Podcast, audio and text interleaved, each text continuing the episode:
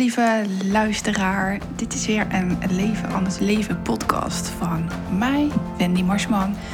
Ik uh, hoop je met deze podcast te inspireren om eens naar je agenda te kijken. Ik heb het beloofd in de podcast over kiezen. Dat ik je mee zou nemen vandaag in uh, ja, wat staat er nou eigenlijk in je agenda. In uh, mijn agenda staat met dikke strepen vakantie. Toch neem ik deze podcast op. Ik ben net terug, nog geen 24 uur geleden. Uh, gisteren zat ik op dit tijdstip uh, nog in de auto met samengeknepen billen en spieren dwars door België. Ik weet niet of jij wel eens door België bent gereden, maar ik vind dat absoluut een vervelend stuk. En ik merk ook dat ik mijn schap heb gezet. Ik heb onwijs veel spierpijn. En deze podcast, dit is de derde keer dat ik hem opneem. De eerste twee keren heb ik hem opgenomen vlak voor ik met vakantie ging. En ik was hem terug aan het luisteren omdat ik erover twijfelde en dacht ik: nee, Wen, deze moet je niet plaatsen.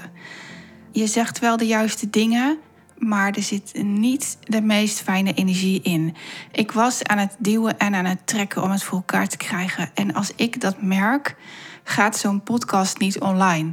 Omdat ik zeker weet dat als ik die energie verspreid, iemand anders die energie op kan pakken en uh, daar best wel moe van wordt. Ik wil juist het tegenovergestelde bereiken. En toen ik hem voor het eerst opnam, was ik net uit de dagen rondom Lennart. Volgens mij heb ik hem opgenomen op 4 augustus. En um, dat was dit jaar heftig. Dus ik heb in de vakantie in Frankrijk contact opgenomen met Matthijs. En ik zei: Dit gaan we zo niet doen. Deze uh, moet offline en uh, ik ga een nieuwe opnemen. En dat is vandaag.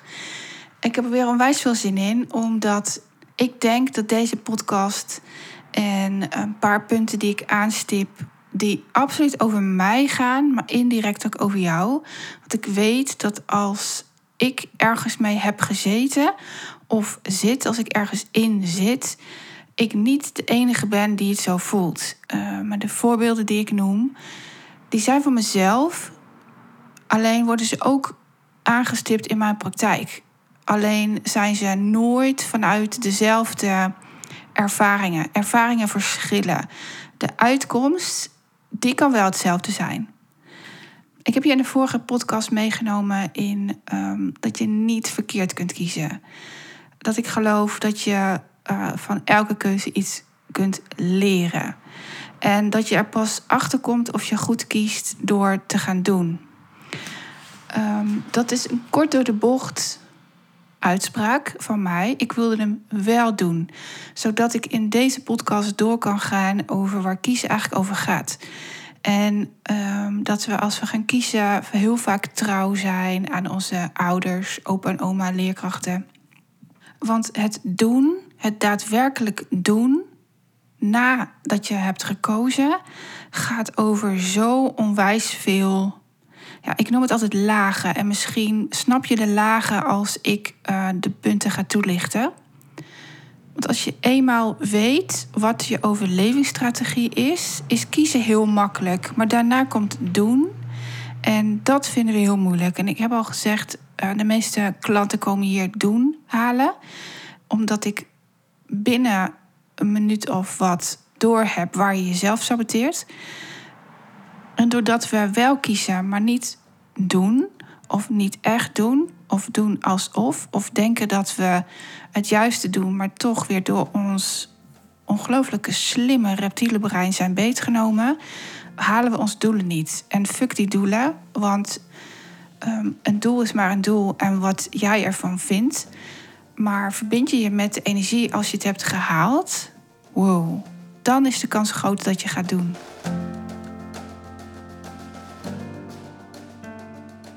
Bij de eerste de beste uitdaging als je gaat doen, stoppen heel veel mensen of twijfelen. En er komt iemand met een opmerking die jouw twijfel bevestigt. Als jij twijfelt, is de kans onwijs groot dat als je gaat delen wat, wat moet, als je iets wil veranderen of als je doelen wil halen of als je het gevoel van je doel wil halen, als je iets wil veranderen, dan is het handig dat je hulp gaat vragen en dus gaat delen. Als je twijfelt, mensen ruiken dat. En ons brein denkt dan, zie je wel, je bent niet goed genoeg. En ik merk dat ik dan in de bewijsdrang kan schieten. En mijn klanten ook. Ik geloof ook dat veel mensen te vroeg stoppen. Dat als ze zijn gaan doen, ze toch op een of andere manier te vroeg afhaken. Dat juist het moment dat je, ja, ze noemen dat contrast. Als je ongemak voelt, als je denkt ik kan het niet, als je denkt uh, zie je wel ik ben niet goed genoeg, of als je voelt dat het zwaar wordt, dat dan de meeste mensen stoppen. Oh, dit is zo jammer. Dat is zo jammer. Omdat al juist als je op dat moment hulp gaat vragen, je sneller en vaak ook makkelijker door dat ongemakkelijke rotgevoel komt van het idee dat je het niet kan. Het idee dat je te veel hooi op je vork neemt misschien wel. Of ja, dat er niet genoeg geld gaat komen om iets te veranderen. Als je dan hulp vraagt, wauw, dan kom je in die fantastische magiezone waar ik het eerder over had. En dan kun je het samen gaan doen, hoef je niet meer alleen. Dan kun je shit ook samen dragen. Ook al ben jij wel verantwoordelijk voor jouw leven, je kan het verdelen. En dat maakt dat je dingen gaat halen waarvan jij denkt: dit had ik nooit gedurfd. Of vroeger dacht ik dat ik dit niet kon. Een ijsbad is daar een fantastisch voorbeeld van. Een pijlbreeksessie is daar een fantastisch voorbeeld van.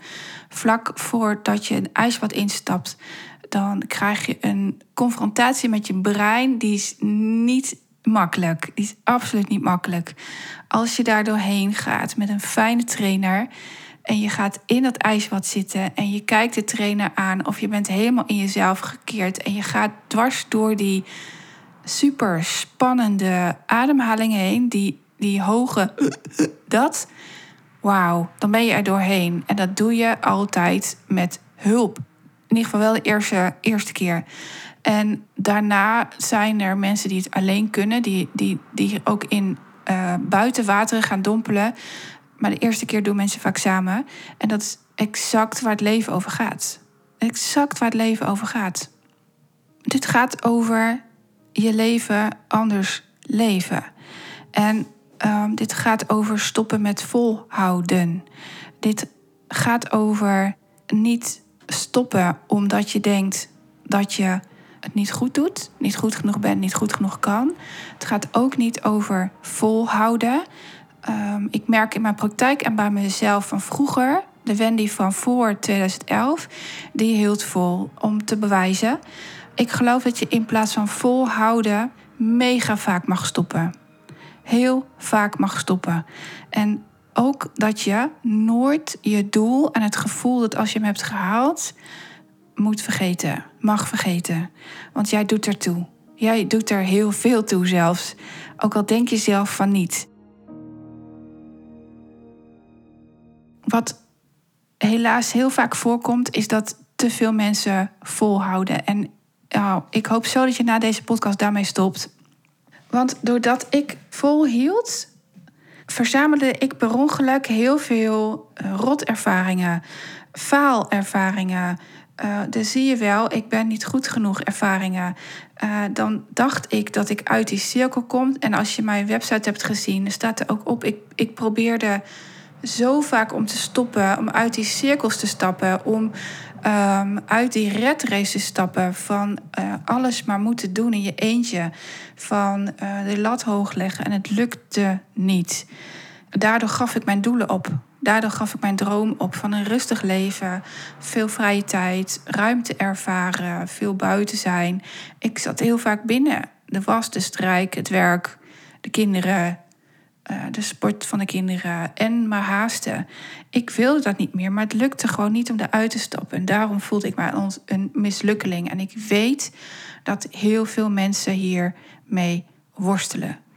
En ik bekeek na 2011, ja, ik denk zo rond 2013, bekeek mijn agenda en ik was toen weer gestart met werken bij de, bij de gemeente. En toen kwam ik erachter dat ik dingen in mijn agenda had staan die daar niet hoeven te staan. En ik vermoed dat jij vergelijkbare dingen ook in je agenda hebt staan. In de systemische wereld, het systemisch werken, systemische therapie, noemt men dit de onderlaag. En die onderlaag, die wil ik voor jou vandaag zichtbaar maken. Zodat je niet meer volhoudt, ook niet sterk blijft. Dat is waar ik het vandaag over heb. Um, zodat je wel stopt met volhouden, met hard werken om gezien, gehoord en begrepen te worden, maar niet je doel voor uit ogen verliest. Dat je die, je doel blijft voelen. Dat je jezelf blijft vertellen dat het mogelijk is. Want er is zoveel meer mogelijk dan je denkt. En daarom noemde ik ook het ijsbad. Toen ik uit het ijsbad kwam, dacht ik: wauw, dit heb ik geflikt. Ik kan dus veel meer dan dat ik zelf denk. Mijn lijf kan veel meer aan dat ik zelf, dan ik zelf denk. Mijn mindset was al heel goed toen ik in het ijsbad stapte. Maar ik had weinig vertrouwen in mijn lijf. En uh, de, voor mij was het ijsbad een confrontatie met mijn lijf. Maar voor veel meer mensen is het ijsbad een confrontatie met je hoofd. De, on, de onderlaag, ik wou zeggen de onderwereld, maar het, ja, het is wel een beetje vergelijkbaar. Want het is niet zichtbaar, het is wel voelbaar, maar je weet niet helemaal exact uh, ja, waar het vandaan komt. En in die laag spelen zich heel veel zaken af. Vaak onopgemerkt, dus uh, niet bewust. En uh, je leeft daardoor niet je eigen leven, maar die van iemand anders. En ik wil er een paar met je delen. Eén is hard werken en overleven. Ik stipte hem al een beetje aan. Ik kreeg dat met de paplepel gevoed. Uh, mijn oma's en opa's hebben beide aardig wat kinderen. Uh, mijn moeder, de moeder van mijn moeder voedde haar kinderen in een eentje op. En totdat, mijn stief, de, totdat haar stiefvader oma ontmoette, deed ze alles alleen. En dat is best heftig, zo na de oorlog, in en na de oorlog. Mijn moeder is gewend om hard te werken. Niet per se in betaalde banen. Heeft ze ook wel gedaan als uh, schoonmaakster, huishoudster in, bij verschillende gezinnen. En zij werkte daar keihard. Mijn vader heeft altijd in ploegendienst gewerkt. Zeven dagen op, ik geloof drie, vier dagen af, zoiets. Hard werken en zichtbaar hard werken is, heb ik gewoon vanuit de jongste af aan meegekregen. Ik wist niet beter. Ik wist niet dat het anders En ik wilde het wel heel graag anders. Maar hoe dan? Hè? Hoe kom je daar dan uit? Um, de tweede is. Oh, ik wil, de eerste moet ik even goed afronden, Wen. Ik geef mezelf hier op de donder. Kijk eens naar wat je van je ouders hebt meegekregen. Um, wat zit daar? Wat, wat hebben ze jou verteld? Um, mijn, mijn ouders zeiden altijd tegen mij: ja, we hebben geen geldboom in de tuin. Voor geld moet je hard werken. Oké, dat ben ik gaan geloven. Dat ben ik ook gaan leven. Dus uh, hoe, hoe harder ik werkte, hoe meer salaris dacht ik dat, dat, dat ik dan kreeg. Maar die twee zijn helemaal niet met elkaar verbonden. Sterker nog, hoe harder ik werkte, hoe leger ik werd, hoe minder er uit mijn handen kwam, daar, daar, ja, daar kwam ook absoluut geen geld op af. Ik voelde me ook niet blij. En inmiddels weet ik, geld komt naar je toe als jij uh, ergens blij van wordt. Dan gaat het stromen. En dat is zo anders dan hard werken en er iets voor terug verwachten. Als je blij bent, dan stroomt het uiteindelijk vanzelf. Dat betekent niet dat je niks doet. Je moet jezelf voeden met de dingen waar je blij van wordt. En nummer twee, die ik heel graag met je wil delen, wat enorm in mijn agenda stond. Nogmaals, niet zichtbaar, maar ik was er wel mee bezig, onbewust. En het werd bewust doordat Lennart overleed. Is dat mijn vader in ploegendienst werkte. En ik weet nog, die nachtdiensten, die, ja, moest hij overdag moest hij slapen. En het liefst lang, want hij had zijn slaap nodig. Hij, volgens mij sliep mijn vader dan tot de uur vier, vijf. Behalve de laatste. Dan kwam hij er wat eerder uit om weer in het ritme te komen. Maar als ik dan vriendinnetjes mee naar huis wilde nemen... dan mocht dat bij hoge uitzondering. En mijn moeder zei altijd... Niet zoveel lawaai maken, papa slaapt. Als je naar boven loopt, doe je dan zachtjes de deur dicht. Ik kan ook hier in huis kan ik naar boven lopen en de was doen zonder de geluid te maken. En dat als de jongens dan, uh, onze kinderen slapen op zolder en daar is de waskamer ook. Als de jongens daar dan mij ineens zien staan, dan schrikken ze zich kapot. Gewoon omdat ik heel stil kan zijn. Ik kan mij heel onopvallend gedragen. Terwijl ik, andersom, exact weet, uh, vroeger als klein kind al, wie er de trap op kwam lopen. Ik wist aan de hand van hoe de voet neer werd gezet en hoe zacht of hoe hard en het ritme exact of mijn vader of mijn moeder naar boven kwam. En als er stront aan de knikker was, wist ik dat als mijn vader naar boven kwam, ik net moest doen alsof ik sliep. En dan kon ik heel goed. Daarmee ontweek ik uh, de ergste woorden als ik weer uh, iets had gedaan wat niet mocht. En kwamen ze de volgende dag wat zachter aan. Heel fijn. Maar dat heeft wel gemaakt dus dat ik mij onopvallend kan gedragen. Ik had ook te veel in mijn agenda staan dat ik mijn mond hield. En je mond houden als je fantastische ideeën hebt, als je de oplossing hebt voor de ander en ze niet delen. Daarvan weet ik nu, oh my god, dat is echt zo egoïstisch. Er bestaat niets egoïstischer dan zo denken. Ik had te weinig zelfvertrouwen om al die oplossingen te delen. Daar heb ik aan gewerkt. Dat is weg meestal. Soms krijg ik er nog last van. Als ik iemand uh, voor me heb zitten die, die nog meer zelfvertrouwen heeft dan ik, dan voel ik het nog wel. Maar ik weet wel wat ik dan kan doen om het te omzeilen. Um, maar holy moly, als je toch iemand kan helpen, doe dat dan. Maar nooit in ongevraagd adviesvorm. En die heb ik mega veel gehad naar aanleiding van de dood van Lennart. Als ik jou was, zou ik. En mensen die iets vergelijkbaars zijn overkomen of in een heftige situatie zitten, die herkennen dit. Als je in de shit zit, als je je niet lekker voelt, hoor je vaak: als ik jou was, zou ik. Of moet je niet even dit doen? Of zou je niet even terug naar bed gaan? Of je ziet er moe uit, moet je niet even slapen? Die ongevraagd advies werkt niet. Als ik nu iemand tegenover mij heb zitten nou, die mijn hulp kan gebruiken, een voorbeeld is dat ik op Facebook vanmorgen een bericht zag van een meisje die eindelijk openheid geeft over wat haar is overkomen. Haar zusje is overleden een paar jaar geleden. En zij vertelde uiteindelijk haar verhaal. En zij zei nu pas. En ik zei tegen haar: Weet je, lieverd, je breekt op exact het juiste moment. Er is niet een nu pas. Er is een exacte juiste moment waarop jij kan rouwen. En ik kan haar ongevraagd advies geven. Dat kan met groot gemak. Ons, ons brein doet dat met liefde. Maar ik kan haar ook zeggen: Goh, weet je, als jij behoefte hebt om uitgelegd te krijgen hoe je kunt rouwen en toch je ding kan doen, want het kan allebei, het kan naast elkaar. En als je wil weten wat er dan op je afkomt aan uitspraken van mensen, aan communicatie van mensen en wat daarachter zit, want ze doen het met liefde maar als je het hoort, trek jij je terug. En dat is niet de bedoeling van het leven. Het leven is bedoeld om uitgebreid te groeien. Kom dan bij mij. En ook daarvoor geldt, je hebt daar op exact het juiste moment behoefte aan. Dat hoef je niet te regisseren, dat wordt gedaan voor je. Daar hoef je helemaal niet over na te denken. Als jij voelt, ik moet even naar Wendy, nou, dan moet je even naar Wendy. Voor haar is dat fijn. En voor mij ook, want ik heb voldaan aan wat mijn hoofd graag wil.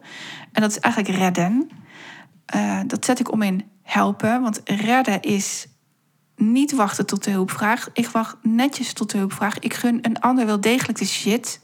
Maar het is egoïstisch om mijn mond te houden en niet te zeggen dat ik een oplossing voor iemand heb. Dit zijn dunne lijntjes. Dit zijn dunne lijntjes. Ik heb hier nog app-contact over gehad gisteravond toen ik terugkwam uit Frankrijk. Ik zag wat stories van klanten van mij. En dan gaat er echt iets in de WhatsApp-groep van lieverd, je zit niet helemaal in de meest fijne energie. En ik merk het al een tijdje. Heb je me nodig? Bel me dan eventjes. Dan uh, hebben we het even over. Trekken we het weer vlot. Kun je weer op de meest fijne manier leven. Um, maar ook daar, ik wacht wel tot ze mij bellen of appen of mailen. Ik ben via verschillende kanalen bereikbaar, dus dat is fijn. Um, zodat ik weer opsta. Omdat als je wacht tot iemand de hulpvraag stelt, dat ook exact het moment is dat mensen hulp aanvaarden en, dat, en jou daar dank je, dankbaar voor zijn. Mensen kunnen niet zo goed dankbaar zijn als je ze al aan het redden bent zonder dat ze een hulpvraag hebben gesteld. En ik weet dat ik het over dunne lijntjes heb en je, het gaat je opvallen omdat ik het nu zeg. Als je een beetje irritatie voelt, als je een beetje ongemakkelijk voelt of teleurgesteld, dan is de kans groot dat je iemand hebt gered. Dat je per ongeluk al bent opgestaan. En ik had daar een diploma voor trouwens. Naast mijn strikdiploma had ik hier om, nou, wel twintig diploma's voor. Ik was hier heel erg goed in. Ehm, dit stond uitgebreid in mijn agenda. Op te staan, iemand helpen zonder dat hij een vraag stelde. Maar niet de oplossing delen, want dat, papa slaapt, dat zat daarachter. Het zelf doen. Het zelf doen. Alles uit handen nemen van mensen en het zelf gaan oplossen. Dat zorgde ervoor dat die mensen zich helemaal vrij voelden, fit naar huis gingen en ik standaard kapot thuis was. Het derde, of eigenlijk het vierde, wat ik met je wil delen, wat in mijn agenda stond, is chameleongedrag. Dat heeft absoluut te maken met punt 2, dat ik mijn mond moest houden. Zo is het niet gebracht, hè? Mijn moeder is absoluut heel erg liefdevol, maar ik voelde het wel zo. En ik paste mij dus aan daardoor ten gunste van mijn vader, ten gunste van mijn moeder, die dan gerustgesteld was dat mijn vader nog even kon slapen. Maar ook ten opzichte van mezelf, ten gunste van mezelf. Omdat als je het goed doet, je daar punten voor krijgt. Zo werkt het leven. Als je op school een 6 haalt, dan heb je een voldoende en dan krijg je een complimentje. Hmm, bij een 6 krijg je misschien ook nog, nou, als je iets meer had geleerd, had je een 7 of een 8. Dat is iets meer ontspannende werkerschat. Als je een 5 krijgt, krijg je van sommige mensen op je donder. Of krijg je te horen, je kan het veel beter. Of je moet beter je best doen. Het leven zit zo in elkaar dat als je het goed doet, je een compliment krijgt. Totdat je mijn kind bent en je een grove fout hebt gemaakt, dan zeg ik gefeliciteerd. Wat heb je hiervan geleerd? En dat zorgt voor hilarische omstandigheden en van die van, meest fantastische blikken. En omdat ik geloof, je kan niet fout kiezen. Je kan ook niet echt iets fout doen. Je, hebt er namelijk altijd iets, je kunt er namelijk altijd iets uithalen. Je kunt er altijd een les uit leren. En ja, welke les dat is, dat is natuurlijk afhankelijk van de situatie. Maar ik weet nog, de basisschool van ons oudste, hij was hartstikke aan het rouwen. Dat werd wel gezien, maar ja, de leraar was onmachtig om daarmee om te gaan. En waardoor onze oudste zo boos, zo boos was. Staat ook in mijn boek. Hij gooide met tafels. En toen kwam hij thuis en toen kreeg we een telefoontje. En toen ontplofte hij nog een keer. Zei ik, lieve schat, je bent daar al ontploft. Je hoeft het mij niet te laten zien. Ik weet het. Wat was er aan de hand? Vertel mij nou eens, eh, tot in het detail, wat jij vindt dat er aan de hand was. En wat er eigenlijk ook tekort is geschoten. En zei ik, oké lieve schat, was het verstandig om met die tafel te smijten? Om met de stoelen dwars door de klas te gooien? Nee, daar had hij zelf ook wel zoiets van, nou, dit, was, dit kon echt niet door de beugel. Zei ik, wat heb je hiervan geleerd? En zei hij, ja, dat ik dit niet moet doen. Ik zeg, nou, dat is genoeg. Dat is genoeg. En hoe ga je het de volgende keer oplossen? Wat, voor, wat heb je van mij nodig? Wat kun je van mij gebruiken om dit op te lossen? En uiteindelijk was dat een andere klas een klas waarin ze wel wisten wat hem was overkomen, namelijk dat zijn broertje was overleden, maar waar ze hem niet als zodanig um, behandelden. Hij werd gewoon gezien als Marnix, volwaardig. En ik vind namelijk echt dat dubbelstraf heeft geen zin. Hij had op school al uh, straf gehad. En thuis, ja, weet je, moet ik dat dan nog een keertje doen, terwijl het hier niet gebeurd was? Ja, ik stond daar absoluut niet achter. Maar als ik hem hier wel had gestraft, had hij zich waarschijnlijk ook als chameleon gaan gedragen. Net zoals ik dat vroeger deed. Omdat je hoofd weet dat superslimme reptiele brein, er komt gevaar aan als je dit gaat vertellen. En dat maakt dat ik hier hele leuke gesprekken heb met de jongens. Ze zullen absoluut dingen verzwijgen voor mij. Ik heb geen lievertjes. Ik heb mega ondeugende van het leven genietende jongens. En ze zullen absoluut dingen doen waar ik geen weet van heb. Ze zijn niet heilig. Maar als ze ergens mee zitten, komen er dus wel dit soort gesprekken uit. Oké, was het handig? Nee. Uh, was het op dat moment handig? Heb je op dat moment de juiste keuze gemaakt? Ja. Kun je er nu op terugkomen als het niet fijn voelt? Ja, dat kan ook. nou, dan helpen we ze. Dan helpen we ze. Chameleongedrag is een enorme kwaliteit. Maar ook een enorme valkuil. Want het gebeurt vaak omdat je begrepen wil worden, aardig gevonden wil worden en gezien wil worden.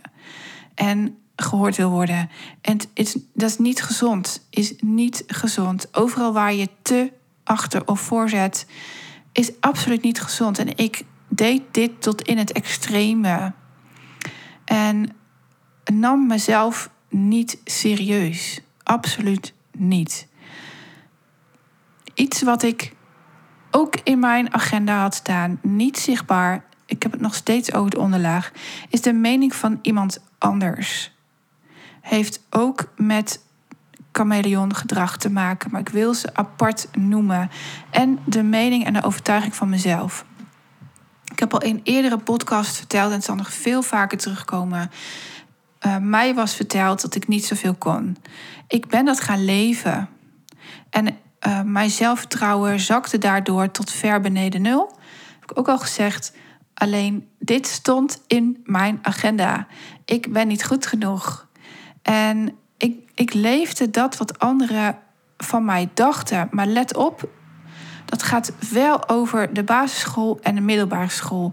Want bij elke uh, beoordelingsgesprek, bij elke persoonlijk ontwikkelplan, de POP, werd gezegd: Wendy, jij kan veel meer dan je zelf denkt. Wat zou je willen? Maar doordat ik eh, zo onwijs niet in mezelf geloofde, wist ik gewoon niet wat ik meer zou kunnen doen. Wat, ik, uh, wat zij in mij zagen en wat ik niet toonde. Ik wist het niet. Ik wist het niet te omschrijven. Ik wist het. Ik, dromen, wat is dat? Ik, ik wist alleen dat ik dan meer vrije tijd wilde hebben. Maar hoe dat dan te halen, geen idee. Ik wist het niet. En ik had de dood van Lennart absoluut nodig om daar een draai aan te geven.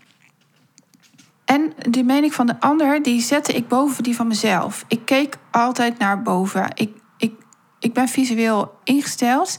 Ik zag mezelf als klein. En ik zag de ander, de mening van de ander, als groot. Die stond letterlijk op zo'n duplo-blokje van bovenaf naar beneden te kijken naar mij. En mij te aaien. Ben je toch ook een mooi, klein, zielig meisje?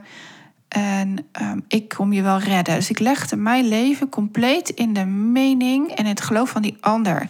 Ik deed daardoor zelf niet zoveel om uit die redrace te stappen. Ik wist ook niet dat ik daar zelf verantwoordelijk voor was. Misschien heb ik het wel geweten, maar heb ik gewoon absoluut niet gevoeld dat ik de competenties had om eruit te komen. En wat ik heel veel in mijn agenda had, was sociale verplichtingen. Ik zette ze er alleen niet in. Ik, zat, ik had ze in mijn hoofd gepropt. En alles wat je in je hoofd propt, waarvan je denkt, ik onthoud het wel, neemt plek in in je lijf. Letterlijk. En mijn vreedbuien, die ik heel veel heb gehad, die hebben hiermee te maken. Ik had bijvoorbeeld uh, niet in mijn. De sport van de jongens had ik bijvoorbeeld niet zichtbaar bij ons op het planbord staan. Ik wist exact, dat onthield ik namelijk voor hun, eh, wanneer ze ergens moesten zijn. Totdat ik voelde, ik trek het niet meer. En wat is toch wat ik niet meer trek? Ik had het idee dat ik te veel deed. Maar wat dan? En toen zijn we begonnen met het ontbijt niet meer voor hun te smeren, maar het door hun te laten doen. Mocht ik accepteren dat er overal haargeslag lag, dat ik daarna even moest stofzuigen, uh, totdat we een hond namen, ideaal, die altijd wel op. En uh, dat het een zooitje werd. Dat mocht ik even leren accepteren. Maar ik mocht leren zien dat ook mijn kinderen meer kunnen dan ik zelf dacht. En dat is dankzij Lennart. Want dankzij de dood van Lennart zag ik dat onze jongens met gemak alleen naar school konden lopen. Dat ze met gemak hun brood konden smeren, ook al werd het dan een zooitje. Dat ze een ei konden bakken. Dat ze zelfs in staat waren om pannenkoekmix te maken. Oké, met kloeten erin. Hier in de achterhoek zeg je kloeten. Klonten erin. Die mocht ik dan ook accepteren. En dan kreeg ik met liefde een pannenkoekje gebakken met van die van die gare um, gebakken uh, deeg. echt smerig. Dat je dat dan met liefde opeet, hè? Zo, dat is moederliefde. Maar ze konden het. En dat ik verbaasd zat te kijken, waarom heb ik dit al die jaren niet gezien? Zes en acht waren ze. Waarom heb ik al die jaren zoveel voor ze weggenomen eigenlijk? Waarom heb ik ze ontnomen dat ze konden groeien? En vanaf die tijd ben ik ze meer los gaan laten. Compleet tegen mijn eerste natuur in. Want als je kind, over, kind verliest. En ik zie het ook bij gezinnen waarin geen kindje verloren is. Je wil, je eerste natuur is dat je je kind beschermt voor alles en iedereen. Maar ook hun leven wordt mooier als je ze laat. Als je ze ruimte geeft om te groeien. Als je er niet bovenop gaat zitten. En ik zat er mega bovenop. En dat ben ik anders gaan doen. Wat ik al zei, compleet tegen mijn natuur in.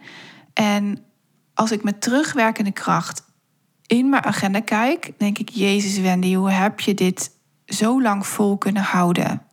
Hoe dan? 60 tot 80 uur werken. En het enige, het antwoord wat ik kon geven is dat ik niet mijn leven heb geleefd, maar dat van mijn ouders. Ik wilde het zo graag goed doen. Ik wilde het zo graag, ik wilde zo graag complimentjes ontvangen. Ik heb zo hard gewerkt voor die zes. En dat, dat er dan werd gezegd, ja, je kunt niet meer doen dan je best. En jij komt er wel. Met hard werken kom je er wel. En die twee uitspraken hebben zo lang mijn agenda bepaald. Als je maar je best doet. Maar wat is dat dan? Niemand wist dat specifiek voor mij te maken. En hard werken. Met hard werken kom je er wel, schat. En dat soort dingen staan allemaal niet zichtbaar in agenda's. Maar als ik het. Ik heb het nu genoemd. En als je hiernaar luistert, is het heel handig dat jij nu eens gaat kijken naar wat staat er in je agenda? Is dat van jou? Is dat wat je doet daadwerkelijk van jou? Of ben je in banen gerold omdat je nou eenmaal die opleiding hebt gedaan? En is dat nog wel wat jij heel graag wil? Is er misschien iets anders wat erbij kan? Want voor mij hoef je absoluut niet je baan nu op te zeggen. Mag, maar dat hoeft niet. 90% van mijn klanten doet het geleidelijk. Er is 10% die die exact weten waar ze naartoe willen, nog niet hoe, maar die na één gesprek bij mij alles gaan omgooien. Maar dat ben je absoluut niet verplicht. Sterker nog, als je twijfelt, raad ik je aan om het stapje voor stapje te doen. En omdat de reis, de reis die je gaat maken als je je laat coachen, die is zo ongelooflijk gaaf. Maar een van mijn favoriete onderdelen in mijn jaartraject om te kijken naar wat staat er nou in je agenda en aan wie ben je trouw? Ben je trouw aan jezelf of trouw aan je ouders? En ik was trouw aan mijn ouders, die een middelmatig leven leiden. Daar overigens heel blij mee zijn. Hè? Dat, dat de middelmatig leven is prima. Um, maar ik wil dat niet. Ik wil een buitengewoon leven leven. En dat betekent voor mij overigens niet dat ik de wereld rondreis daar word ik gewoon niet happy van. Ik word gelukkig van buiten zijn, met de hond wandelen, van echte liefde, intense liefde ervaren. Ehm, genieten van de jongens. Dat is voor mij een buitengewoon leven. En nu sta ik op het punt om groter te gaan dromen. Ik heb al mijn doelen gehaald. Ik heb al mijn wensen die ik na de dood heb gewenst, heb ik gehaald. Ze zijn me allemaal gelukt. En nu wil ik iets meer voor de wereld gaan. Ik ben over aan het nadenken om uh, geld te investeren in bijvoorbeeld uh, projecten. Um, niet voor mezelf, voor de ander. Ik weet alleen nog niet wat. Maar dat, ik weet zeker dat dat op mijn pad komt. Maar je agenda, wat er in je agenda staat, is een van mijn favoriete onderdelen in mijn jaartraject. Daar zullen we ook één of twee live dagen over hebben. Omdat het zo fijn is om zichtbaar te maken wat jij doet en voor wie je dat doet. Ehm, als ik dit niet had geweten, als ik niet terug was gegaan naar vroeger, naar wat er allemaal mij is gezegd, naar waar er trauma's zitten. In elk leven zitten trauma's, groot, klein, dik, dun, uh, lang, kort.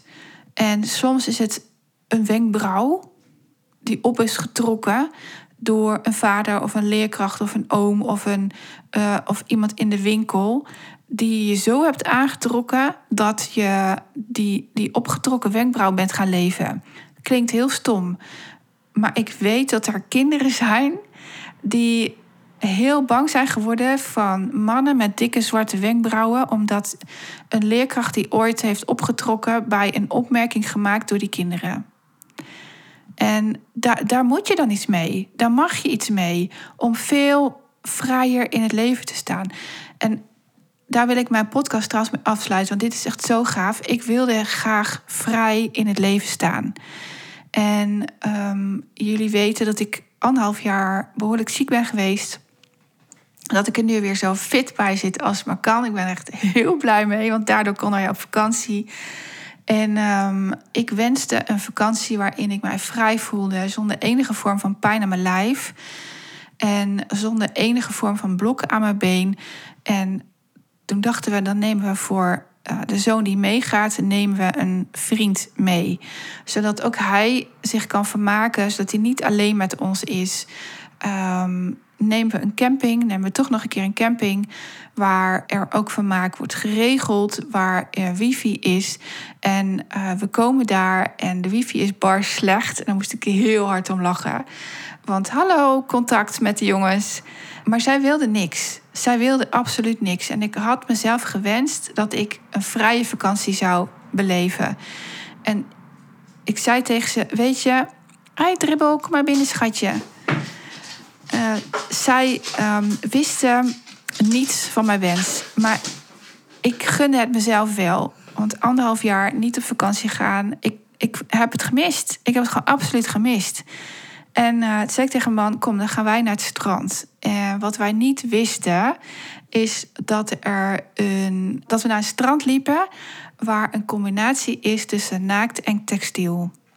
Nou jongens, hoe vrij kun je het hebben? Hoe vrij kun je het hebben? Waar je om vraagt, krijg je op je bordje.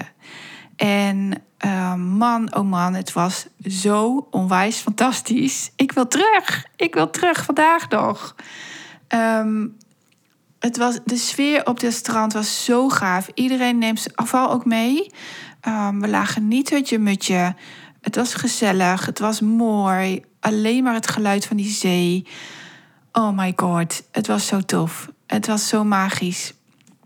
En per ongeluk heb ik jaren gevraagd wat ik heb gedaan. Hard werken, gezien worden met hard werken. En nu doe ik het anders. Ik werk op mijn gemak. Ik vraag om rust. Ik heb zowel in mijn gesprekken trouwens, hè, in mijn werk wil ik rust. Ik wil, ik wil op mezelf kunnen vertrouwen. En als ik dat niet heb, als ik niet 100% happy ben, dan vertel ik dat altijd als ik start met een afspraak. Als ik niet 100% heb gegeven en je merkt dat, dan moet je dat zeggen en dan krijg je de afspraak terug. Uh, maar ook in mijn agenda. In mijn agenda heb ik vier uur vrije tijd per dag. En ik wil dat gaan uitbreiden uh, naar vijf. Want als ik uit mijn praktijk stap, als ik uit mijn agenda stap, als ik uit de oordelen stap die een ander over mij heeft en die ik zelf over me heb, als ik uit de niet zeggen, zachtjes doen, mijn papa slaap stap, als ik voluit leef, holy moly, dan krijg ik zoveel ideeën, dan stroomt alles, dan gaat alles in flow, dan kan ik deze podcast in flow opnemen, hoef ik er niet hard aan te trekken, hoef ik ook niet te duwen, dan komt alles vanzelf en dat gun ik je zo. Te vaak houden we vol en zitten we ergens diep in waar we van geloven dat het niet lukt om eruit te komen. En dat kan juist wel. Mijn jaartraject start in de derde week van september. Wil je daarbij zijn? Vind je het fantastisch om deze manier van werken, om te kijken naar wat staat er nou daadwerkelijk in je agenda? En dat zijn niet jouw taken. DM me dan, of mail me dan, of bel me dan. Ik ben via verschillende kanalen bereikbaar: Facebook, LinkedIn en Instagram. Uh, mail, mail at. Doe dan even je telefoonnummer erbij, dan bel ik je zo snel mogelijk op. Vond je deze podcast waardevol? En ik hoop echt dat het je inzicht heeft gegeven. Uh, wil je hem dan delen? Want ik weet zeker dat als jij hem waardevol vindt een ander dat ook zo vindt. Ik weet ook dat als ik ergens mee heb geworsteld, een ander er ook mee worstelt. De volgende podcast, die vind ik heel speciaal. Die gaat over de dood. En alle gesprekken over de dood gaan over leven. En um, is een interview met Marjolein. Marjolein is de moeder van Jip. En Jip is in haar zwangerschap overleden. En Marjolein zit nog in de eerste jaar van haar rouwproces. En dat is het meest zuivere jaar in, in je rouw. En is het meest zware jaar, vaak, uh, maar ook een heel mooi jaar. En ik wil dat interview met Marjolein delen, omdat Marjolein een kopietje is van mij van toen.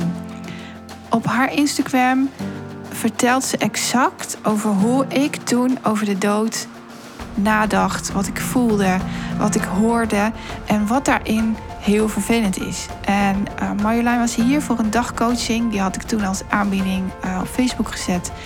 En ik zei, ja, weet je, het gesprek dat we hebben, dat moeten we echt opnemen. Want die is ook waardevol voor anderen. Daar kun je heel veel uithalen. En um, die luister je dus volgende week, uh, ook op zondag. Mijn podcast komen op zondag online, nu nog om de week. En ik denk dat ik na om de twee weken ga. Dat levert mij net iets meer uh, rust op. En wat ik al zei, ik blijf voor rust gaan. Om rustig leven op mijn tempo. Geen haast. Dat heb ik mezelf beloofd uh, uh, toen Lennart overleed. En het, wat ik jou ook gun. Want je hoeft niet vol te houden. Je mag heel vaak stoppen. Maar hou je doel in je gevoel vast.